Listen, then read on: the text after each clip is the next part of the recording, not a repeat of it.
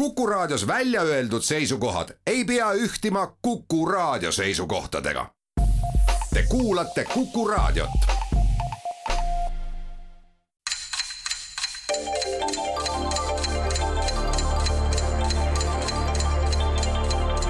tarkade klubi targemaid küsijaid toetab lisateadmistega Postimehe raamatukirjastus tere taas, Kuku raadio Tarkade klubi tervitab häid kuulajaid tänavuse heinakuu neljandal ehk eelviimasel laupäeval. tänab head kolleegi Hannes Rummu vahepealsel ajal regulaarset saatejuhti asendamast ja ilusaid mänge vedamast ja tõdeb, et juulile rahvapärase nimetuse andnud subjektid on tänavusel ilmastiku kireval suvel isegi mitte rinnuni, vaid keskmist kasvu Eesti mehe silmini sirgunud. regionaalsed erisused muidugi välja arvata. suur suvi on jõudnud sinnamaale, et toonekurgede leibkondadel on käes kibe eluõppe, sõstardel ja murakatel magus küpsemise, teatud laadi juustudel mõrkjas laagerdumise ja paljudel ajakriitilistel tegevustel hapuks minemise aeg meie Tarkade klubi saatel täna tema uue tulemise neljasaja kuuekümne teisel korral on kõik nimetatud maitsed kontsentreeritud ühte tundi kui viie pipra segu ning reaktsioonid nendele vastavalt kuuldud küsimustele ja vastustele ka vastavad. tänased head reageerijad Tarkade klubi stuudiotes kuuluvad Eesti mälumängumaastiku esimeste kaardilugejate hulka. hea meel on Tartu stuudios tervitada auväärset arhitektuuriloolast Toivo Kreeki. tere päevast! Ja Toivo paarilisena tarkvarainseneri Priit Naruskbergi. tervist! meie Tallinna stuudios on istet võtnud aga keskkonnainsener ja Eesti Mälumängu Liidu juhatuse esimees Indrek Salis. tervist! ja Indreku paarilisena audiitor Alar Heinaste. tere päevast! hea meel, et te olete meiega. tänase saate kümme küsimust mahuvad meil järgmiste teemade sisse. Slava Ukraini, kultuur, ajalugu, Tour de France ja Varia küsimuste autorid on täna Kivimäe kooli ajaloo ja ühiskonnaõpetuse õpetaja Margus Pillau, Ingliranna patrioot Enno Sivadi ja raadiokuulajatest kirjasaatjatest Karl-Jörgen Lööper debütandina ja Valeri Küpsis, see viimane on siis pseudonüüm. alustame ja anname avavaliku õiguse headele tartlastele, Toivo ja Priit, palun. no ütle mm., julged jalgratast vändata või tahad? ma ei ole seda nüüd tükk aega jälginud, et võiks nagu kultuur oleks võib-olla turvalisem. jah, teeme nii kultuursed inimesed loomulikult. ja tulebki selline küsimus. meie jaanipäeva temaatilises mängus küsitud klassikalise Buratino laulu helilooja Jaan Koha on muude teoste hulgas loonud ka ühe tuhande üheksasaja kuuekümne teisel aastal välja tulnud balleti kaasaja Eesti keskmise põlve helilooja Tõnis Kaumanni üks juba nullindatel valminud ning alles tänavu Tartus esietenduv kammerooper kannab mainitud koha balletiga üht ja sama pealkirja ja me küsime, millist pealkirja. see tähistab teatud ehitist ja selles tegutsevat asutust, mis nii Tallinnas kui Tartus on olemas, aga mitte ainult nendes linnades. üleeile sai kuuskümmend kaks aastat päevast, mil eespool vihjatud näiteks Tallinnas avati. nii, Kaumanni ooper, mis ta nüüd oli? lastekas ja ei ole läksid rallid mingi ehitis. jah, kuuskümmend kaks aastat tagasi avati Tallinnas. tuhat üheksasada kuuskümmend. on kuuskümmend või? on kuuskümmend. no kuuskümmend avati Tallinnas Laululava ja kuuskümmend avati Tallinnas Kaubamaja ja mõlemad on Tartus olemas. nii Tallinnas kui Tartus. ja kas Tõnis Kaumannil Vanemuises ballett? ta oli küll ballett Vanemuises, ei tähendab Kaumannil, Kaumannil oli ooper, kohal oli ballett ja mis veel valmis kuuekümnendal aastal Tallinnas? kas sa ütled lastekas? no mul on nagu meeles, et oli lastekas. Naksid rallid olid äh, rand, minu arust Randan Varresel ja. ja see oli Estonias. tuleta meelde meie niisugust äh, lastekirjanduse võiks öelda klassikat. noh, mingid sipsikud, aga see ei sipsik ei olnud. see ei lähe teemast, sipsik on laululava, ma ütlen. kammerooper, siis ta. seoses laululava ja sellesamuse kaubamajaga, mis veel Tallinnas võidi avada niisugust asja ja mis Tartus ka on. ka mingi kohvik, mis, kus, mis see Maias, ei Maias vanem, aga mis see lastekohvik seal oli? oi, laias lastekohvik seal Narva maanteel, see oli kaheksakümnenda, kaheksakümnenda, mis ta nimi oli, selle samuse Vigri minu arust aga. siis oli esimest korda, kui ma Tallinnas käisin. ahah, nii, ega see siis tõesti, no ma ei tea, ma oleks meelde jäänud, et kaubamaja, aga ega mida muud targemat jutt oli asutusest. asutusest. ehitis ja selles tegutsev asutus. Ehitas ja selles, no ma ei tea, kas no kaubamaja sobiks sellega. no jääme selle juurde või, nii palav on, et mõte ei tööta ka rohkem töötab ikka, Kaubamaja on õige vastus, muidugi, ja Kaubamaja suurt sünnipäeva kuuskümmend kaks markeeriti ka üleeile uhkelt mitmel pool ära. Tallinnalgi oli see vastus olemas siin paberi peal. ega midagi, Indrek Jalar, te saate nüüd teema valida. no Jätkas. võtaks selle teise kultuuri siis. ja Tenno Sivadi Inglirannast küsib. Türgi rokkmuusika teerajajaks peetakse meest nimega Boris Manko kes koos oma vanema venna Savassiga rajas uudse muusikažanri Anadolu rokk Baris, eluaastad tuhat üheksasada nelikümmend kolm kuni üheksakümmend üheksa, on siiamaani üks enim müüdud ja enim auhinnatud Türgi artiste, kelle laule on tõlgitud ka paljudesse keeltesse. vendade Barisi ja Savassi nimed on aga tähenduslikud, sest nad on saanud inspiratsiooni ühe maailmakirjanduse tähtteose järgi, mille pealkiri vendade nimesid tõlkes tähendabki küsitavat romaani, mida anti aastatel tuhat üheksasada kaheksateist kuni kaheksakümmend kuus välja kolmsada kaksteist korda üldtiraažiga üle kolmekümne kuue miljoni eksemplari. niisiis, mida tähendab türgi keeles savas ja mida baris. muuseas juba nende ema Rikat Ujanik oli Türgis tuntud ja populaarne estraadilaulja. ohoh, jah, Türgi rokkmuusikaga väga nii kursis ei ole ja, ja nende nimedega. vot kuidas see nüüd selle romaani need nu, ja, numbriline pool oli? jaa, romaan, maailmakirjanduse tähtteos aastatel tuhat üheksasada kaheksateist ja kaheksakümmend kuus anti teda välja muide kolmsada kaksteist korda, üldtiraažiga kolmkümmend kuus koma üks miljonit eksemplari, kui me nüüd täpsed oleme. ja romaani pealkiri on siis vendade nimed, Savas ja Boris, Türgi rokkmuusika rajajad. Boris nagu jah, nagu tunduks rohkem sihuke slaavi nimi, aga vaata. Boris A-tähega. Boris. aga Savas nagu väga ei ole. jah, kaheksateist siis nagu anti esmakordselt välja või, või, või? seda pole muide küsimuses öeldud. ja romaani pealkiri on siis äh, Boriss ja Savas. just. Mm -hmm. mis on sellise kahenimelised ähm, tähtteosed, et ähm, muidugi jah, et see ajavahemik muidugi jah, et kas see nüüd on juhuslik või, või see ikkagi jah. no kui ta on alates tuhat üheksasada kaheksateist, siis äh, jääb hulka varasemaid jääb ju välja, eks ole. no läänerindel muutuseta siis vist ka nüüd jah. ma rõhutan, et seda küsitavat romaani, noh, siin on toodud näitena, et ja. ajavahemikus just see ja, anti ja. teda välja. siin ja. pole mainitud, kas ta ilmus varem või, või on teda hiljemgi välja antud. ja, ja, aga kas saab lastele panna nimeks Sõda ja rahu, eks ole miks mitte? jah, kumb, kes neist siis sõda on ja? punane ja must. jah, see on ka variant, aga hmm. nojah, mis nüüd veel paare on, et romaan, jah. no see romaani pealkiri peab olema see ja see, eks ole. no just, jah, just, Pelleas ja Melisande, aga see. nojah. päris, päris. aga see Sõda ja rahu on tegelikult täitsa naljakas variant oleks nojah, ega, ega vot ei, ei, ei tea seda keelt nii hästi, et, et, et paneb pakkumisi välja Sõda ja rahu. aga see on õige vastus ja, ja tegelikult sai vihjeks öeldud ka siin Borissi sünniaasta. nimelt Savas sündis siis, tema oli vanem vend Teise maailmasõja ajal ja tema sai nimeks just nimelt Sõda. Boriss sündis aga tuhat üheksasada nelikümmend kolm ja sõja lõpu lootuses tema sai nimeks Rahu.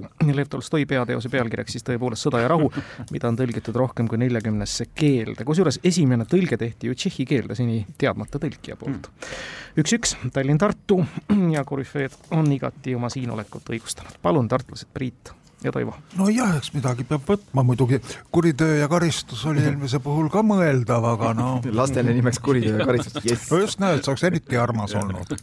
kas lähme ukrainlaste juurde hoopis? Ukraina või Vaaria, kumb? võtame Ukraina. Ukraina. ja Ukraina ja selle antud aastal läbiva teemaga põimime siinkohal mälumängudes igihall ja linnu küsimuse mis te arvate, millisel konkreetsel kirjeldataval loogilisel põhjusel Ukraina iseseisvuse esimesel lühikesel perioodil tuhat üheksasada kaheksateist tollast kõrgeimat võimuorganit Keskraadat juhtinud ajaloolane Mõhailo Gruševskõi loodava riigi vapi keskseks elemendiks pea ees allapoole sööstvat kulli või pistrikku pakkus?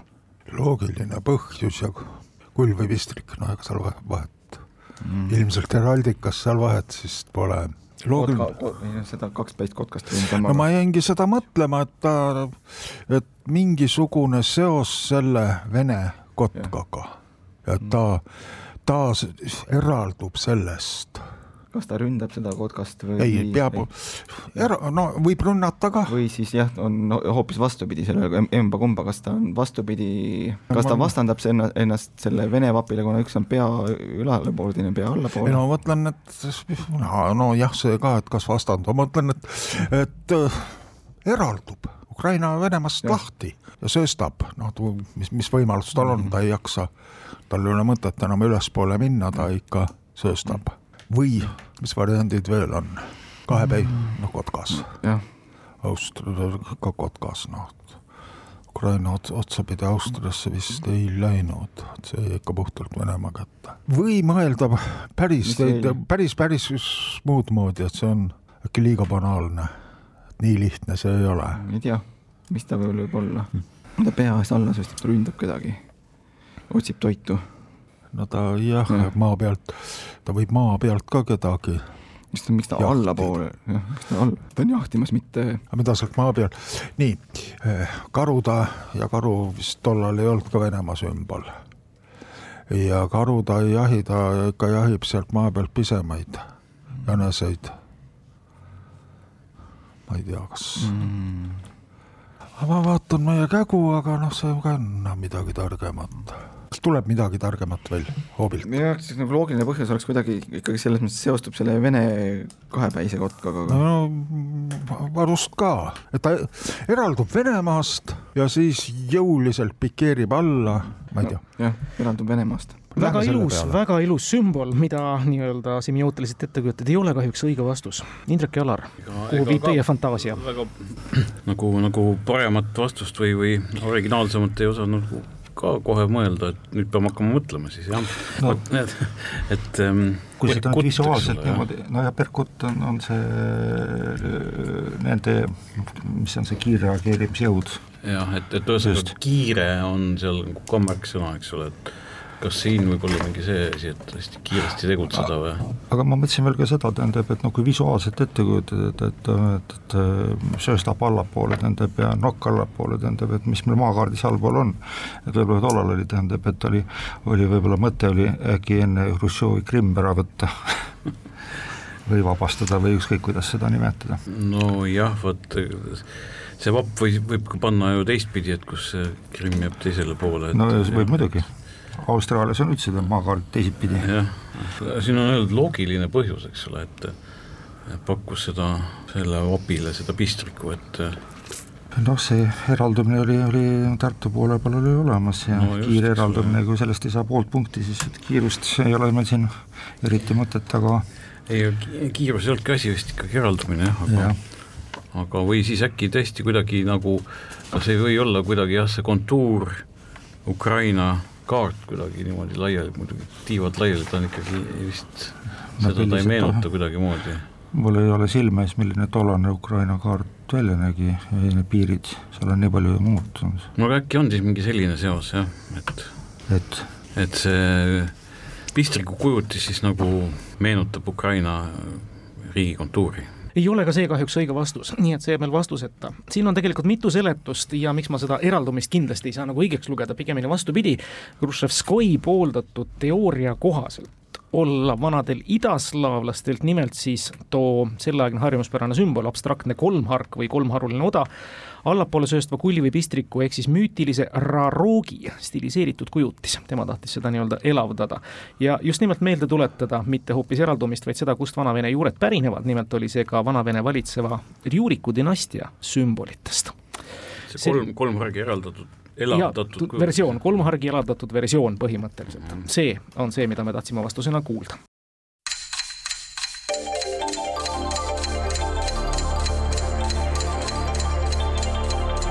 tarkade klubi. targemaid küsijaid toetab lisateadmistega Postimehe raamatukirjastus ega midagi, Indrek Alar, te viigiseisult üks-üks saate valida.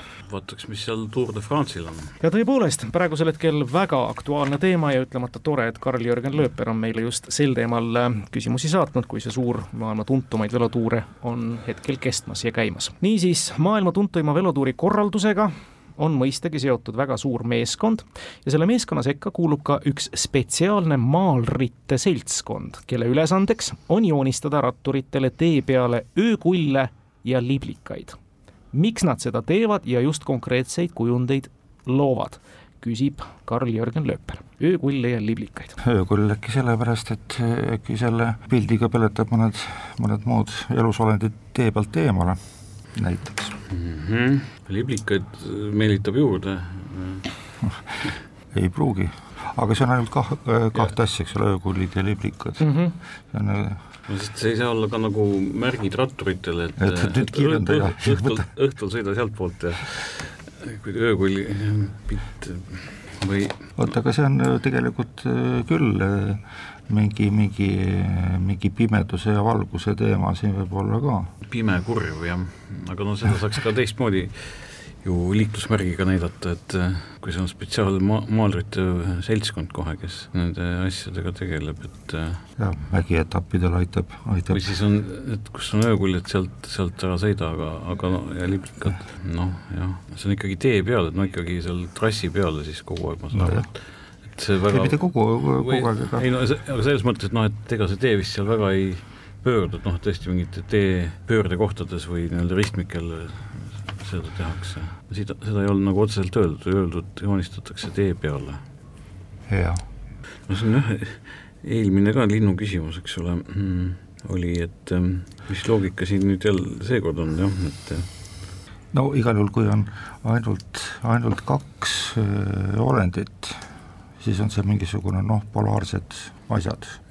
pimedus, valgus eks ole, öösel nad ei sõida. no öösel nad ei sõida jah, et ja. või ma ei tea, kas see on nagu ka oluline näiteks, et, et jälle tee, maapind tõuseb ja maapind langeb, et öökull jällegi pikeerib alla ja, ja liblikas tõuseb üles. öökull on eriti ei pikeeri. no hüppab või ta nagu laperdab üldiselt. et noh, et kas see rattur jõuab seda nagu väga vaadata, no ilmselt siis jõuab. no see on veatusmärk. eks siis nende jaoks ikkagi tehakse, eks ole, jah, et mitte pealtvaatajate või, või ma ei tea, kelle rõõmuks, eks ole, et ja kuidas see küsimus äh, formuleeritud täpselt Miks oli? miks nad seda teevad ja just neid konkreetseid kujundeid joonistavad? no proovime midagi ära vastata. nii, öökulle liblikaid. hoiatavad rattureid. tõusude ja languste eest, jah. no noh, ma ei tea, see kardinaalselt erinevate teeolude eest selline vastus? jah, ega me ei oska vist midagi. see on kena, loogiline, ei ole kahjuks õige vastus ja väga ilusti vormistatud muide ka no,. nii, aga tatlased? eks meil tekkis ka vahepeal mitu mõtet, aga isegi ka see mõte, et kas need ikka ratturite jaoks üldse on? tee peal tee peal. pigem ikka no, ratturitele, sest et pigem, pigem ratturitele, aga neil on pilk eh, seal, võttes sõiduasendist, nad jälgivad teed. jah ja sellepärast tõesti sõiduasendist järgivad, sellepärast kui ta on ei... grupis sees, siis ja. ta ei näe tee ääres liiklusmärke. jah, just, et ega nad ei jah, sinna liiklusmärkide peale seda enam mingit ta taevasse nad ei suurt ei vahi. et stiilis, kui, see, kui sul on paberi peal joonistatud üks öökull ja üks liblikas, siis see liblikas paistab väga sedamoodi, nagu seal ees seisab mingisugune tee kitsenemine. nii, aga öökull? öökull tähendab seal, selle järgi ma vaatan, et seal tee peal on lihtsalt mingisugune takistus ees et keset teed on mingi liiklussaar või midagi sellist see võib ka, on ka mõeldus, noh ma, öökulli kujutada ikka niisuguste suurte silmadega ja. niimoodi. ja need silmad ongi mul nagu, seal silmad selle paberi peal paistavad täpselt nagu mingisugused liiklussaared kusagil, aga. ja noh, muidugi, et et see on niimoodi piss, pissimisvõimalus kuskil. see, et mingi no. toit ja jook, mingid vetsud, see, see on neil nagu enne etappi ära öeldud, kus on toitlustuspunktid ja vetsupausid, nad on raja ääres jooksvalt no kas, no üks asi öeldakse jah enne, kas sa mäletad siis veel, kui mm. kakssada kilti sõidetud on?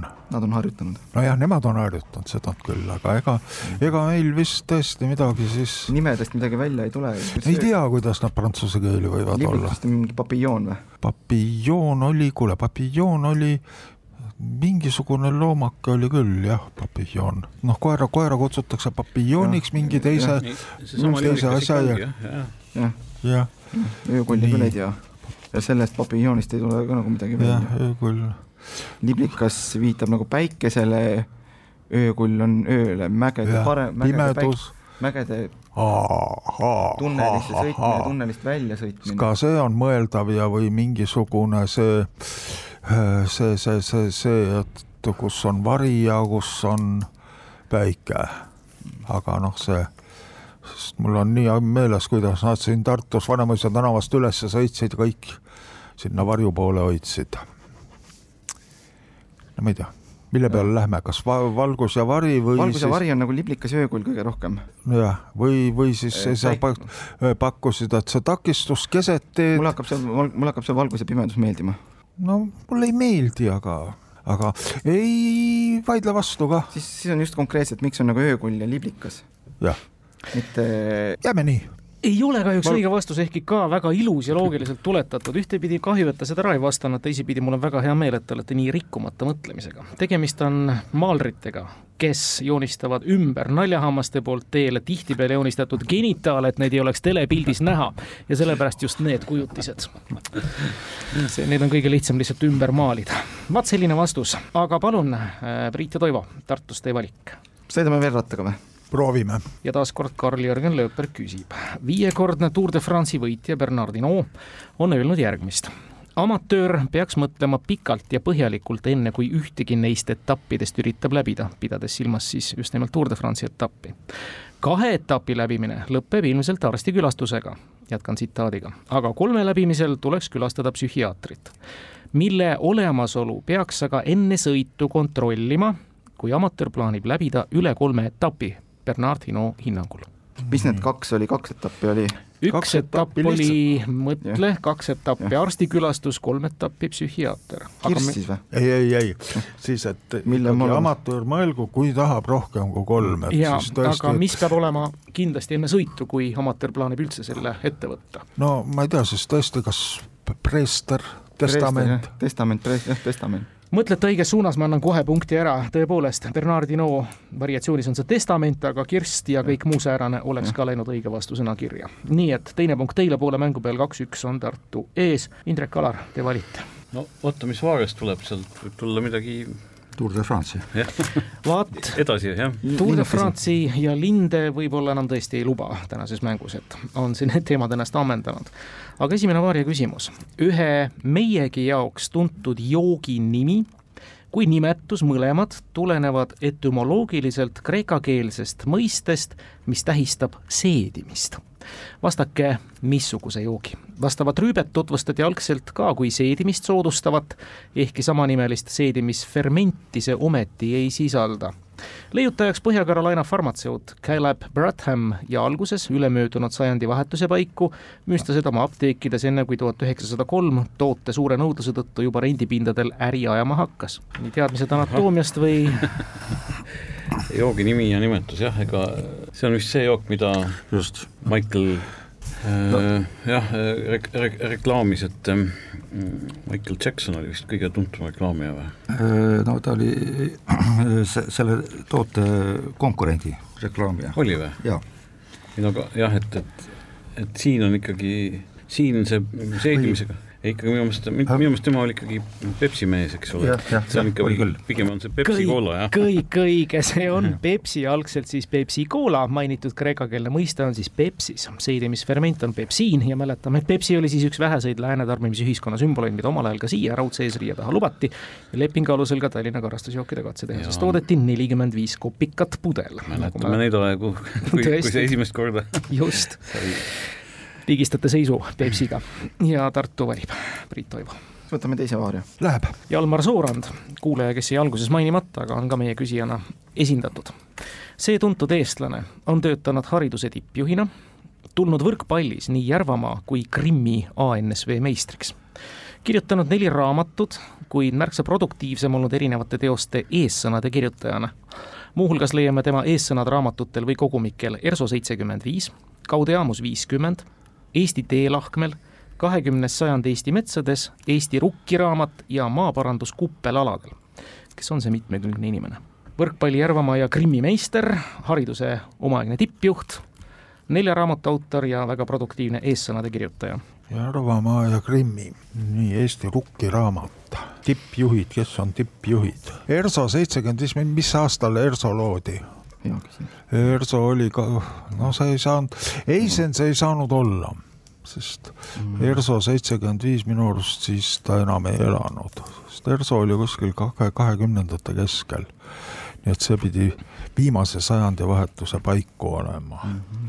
ja omaaegne tippjuht kõige muuga ma saaks nagu peaaegu seostada Vigala Sassi, aga mitte hariduse tippjuhina, tema ja. on ka neid igasuguseid eessõnu kirjutanud. Krimmis, Krimmiga seotud mingit moodi, Krimmi meister, aga noh, see võis kroonuteenistuse aegu olla mina olen Volokto obrasti meister, aga nii noh, jah. kes olid hariduse omaaegsed tippjuhid? no Elsa Gretškina. Elsa Gretškina, tema võib-olla ERSO seitsekümmend viis eessõna ei kirjuta ja rokiraamatut veel vähem mm., ma ei tahaks uskuda. siis ministrid, kes veel olid ministrid? kes, see paramparampra põllumajandusülikooli rektor, Savel. Klaassen, Klaassen. Klaassen on praegu. Klaassen on praegu, aga Saveli, Saveli., Saveli ei olnud võrkpallur, tema oli, tegeles tantsuga.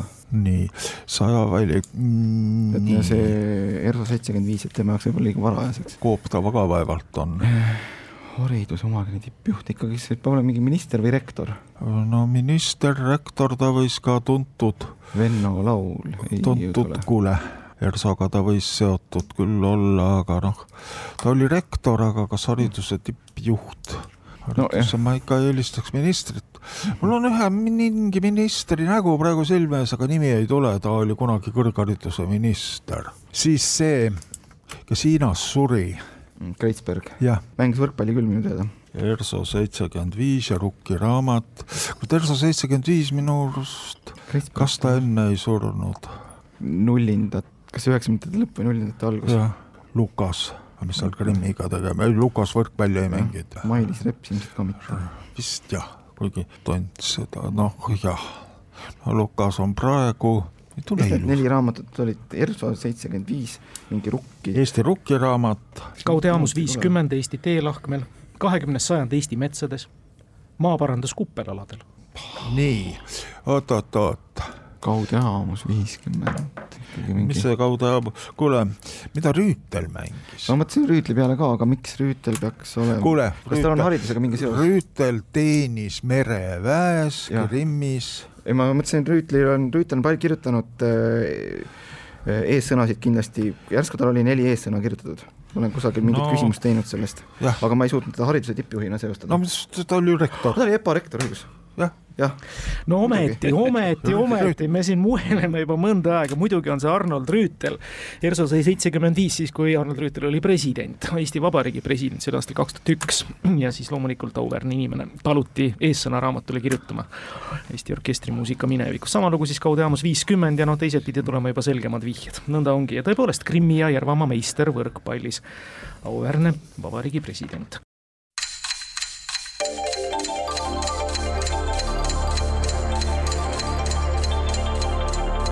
Tarkade klubi.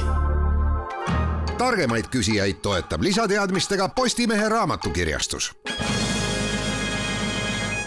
kolmas punkt teile, Tallinnal punkte kaks, kolm küsimust on lõpuni minna.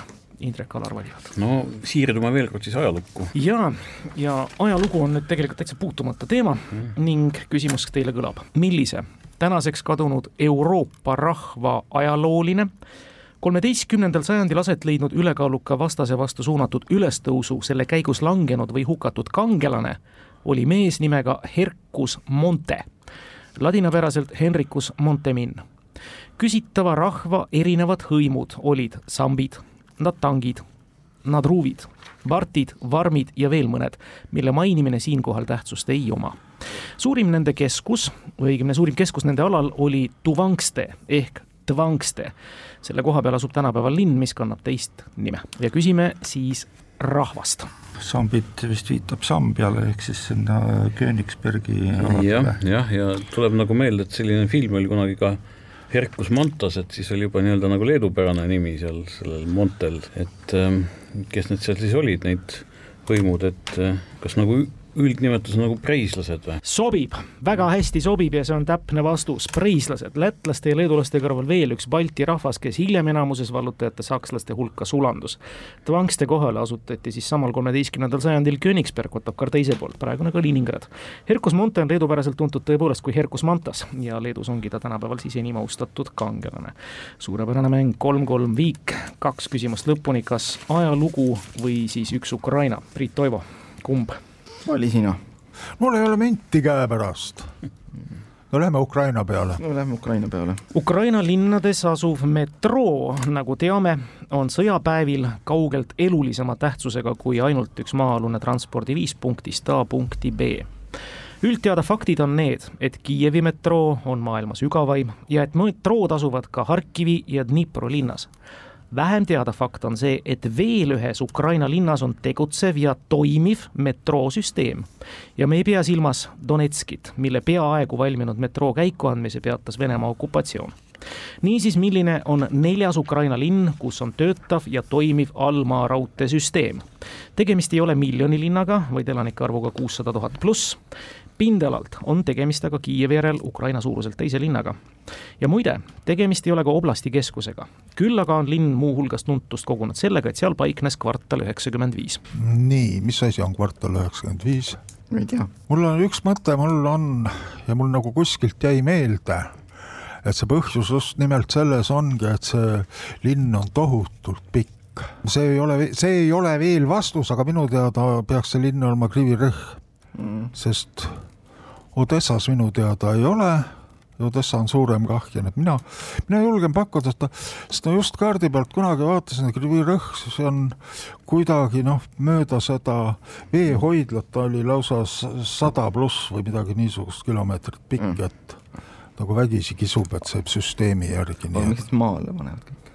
no ju siis on vaja, et ega mm, -hmm. ega ta tervi-, ei ma mõtlen, et seal on transpordisüsteemiks on niisugust asja vaja, et ta koha peal ko, kohati on maa all, võib-olla mingi tehase alt läheb läbi ja äkki isegi vanu kaevandusi või mida iganes kasutavad ära, sest nii et ma arvan, et jääme selle juurde. hästi teete, ootasingi, millal see vastuseks formeerub, see on Krivi Rih ja kvartal üheksakümmend viis oli vihjeks antud. see on siis tänase presidendi, samuti selles linnas sündinud Volodõmõr Zelenskõi komöödia Punt, millega ta siis nalja tegi KVN-i aegadel ja sealt siis algas tema tähetõus ukrainlaste teadvusesse see on teie neljas punkt ja nüüd vaatame, kuidas mäng formeerub. viigiga või mitte, see sõltub nüüd ajaloo küsimusest ja selle äravastamisest.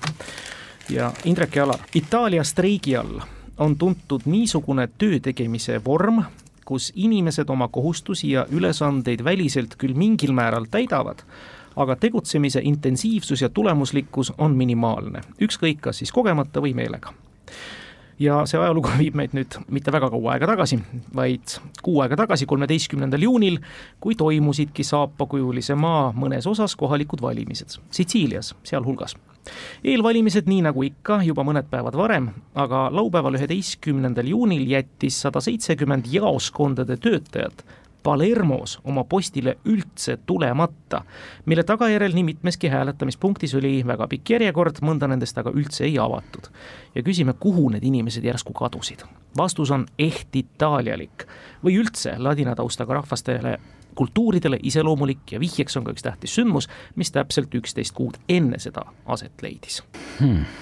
üksteist kuud enne oli juuli kakskümmend üks, üksteist juuli kakskümmend üks.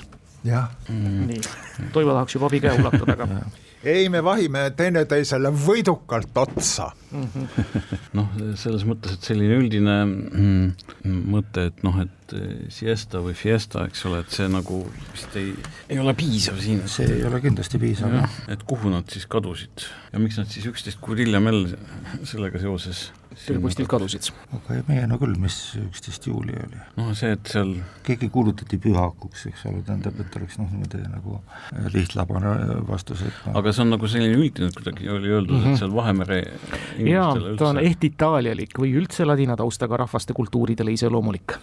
nojah Hispaanias Maniana sündroom. ja seotud, kuidas oli öeldud selle ja, sündmusega? vihjeks on üks tähtis sündmus, mis täpselt üksteist kuud enne seda aset leidis. tähtis sündmus ladina kultuuridele iseloomulik, no mm, et vot jah, see oli siis nagu ühekordne sündmus.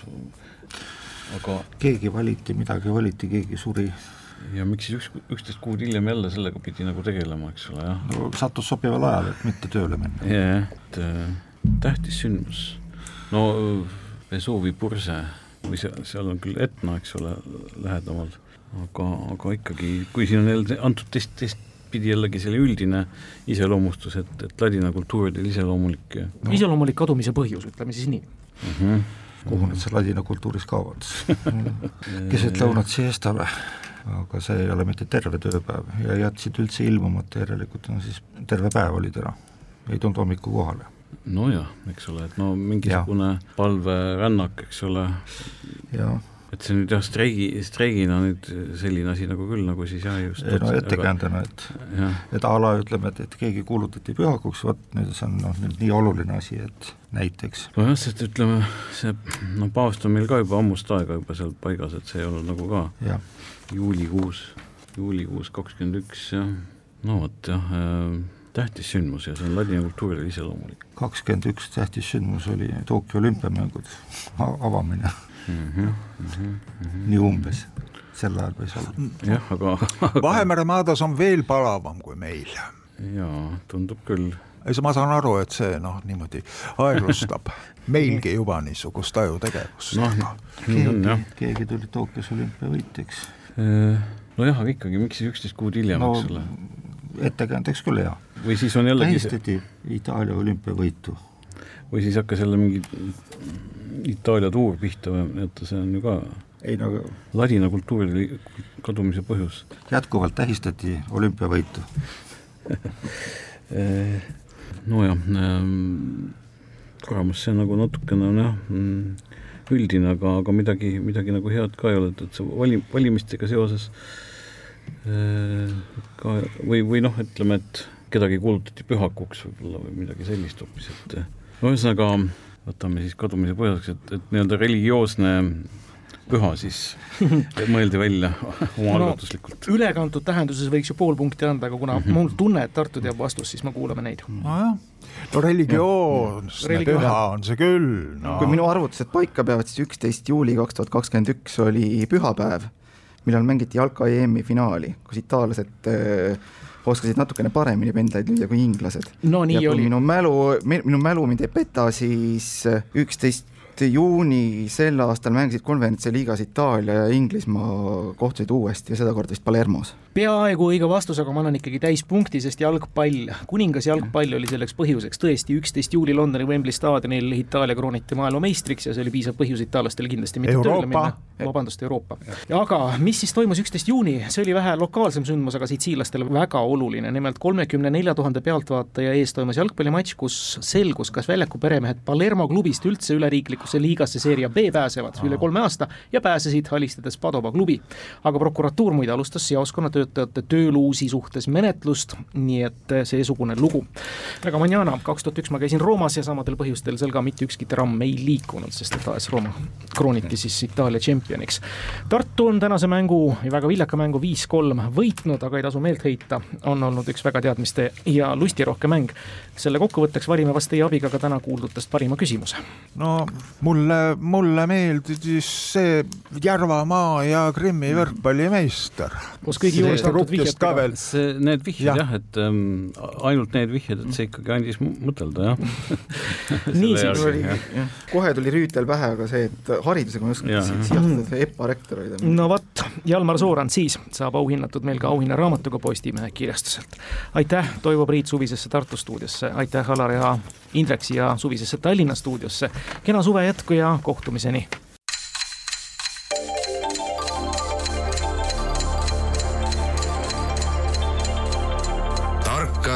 klubi. targemaid küsijaid toetab lisateadmistega Postimehe raamatukirjastus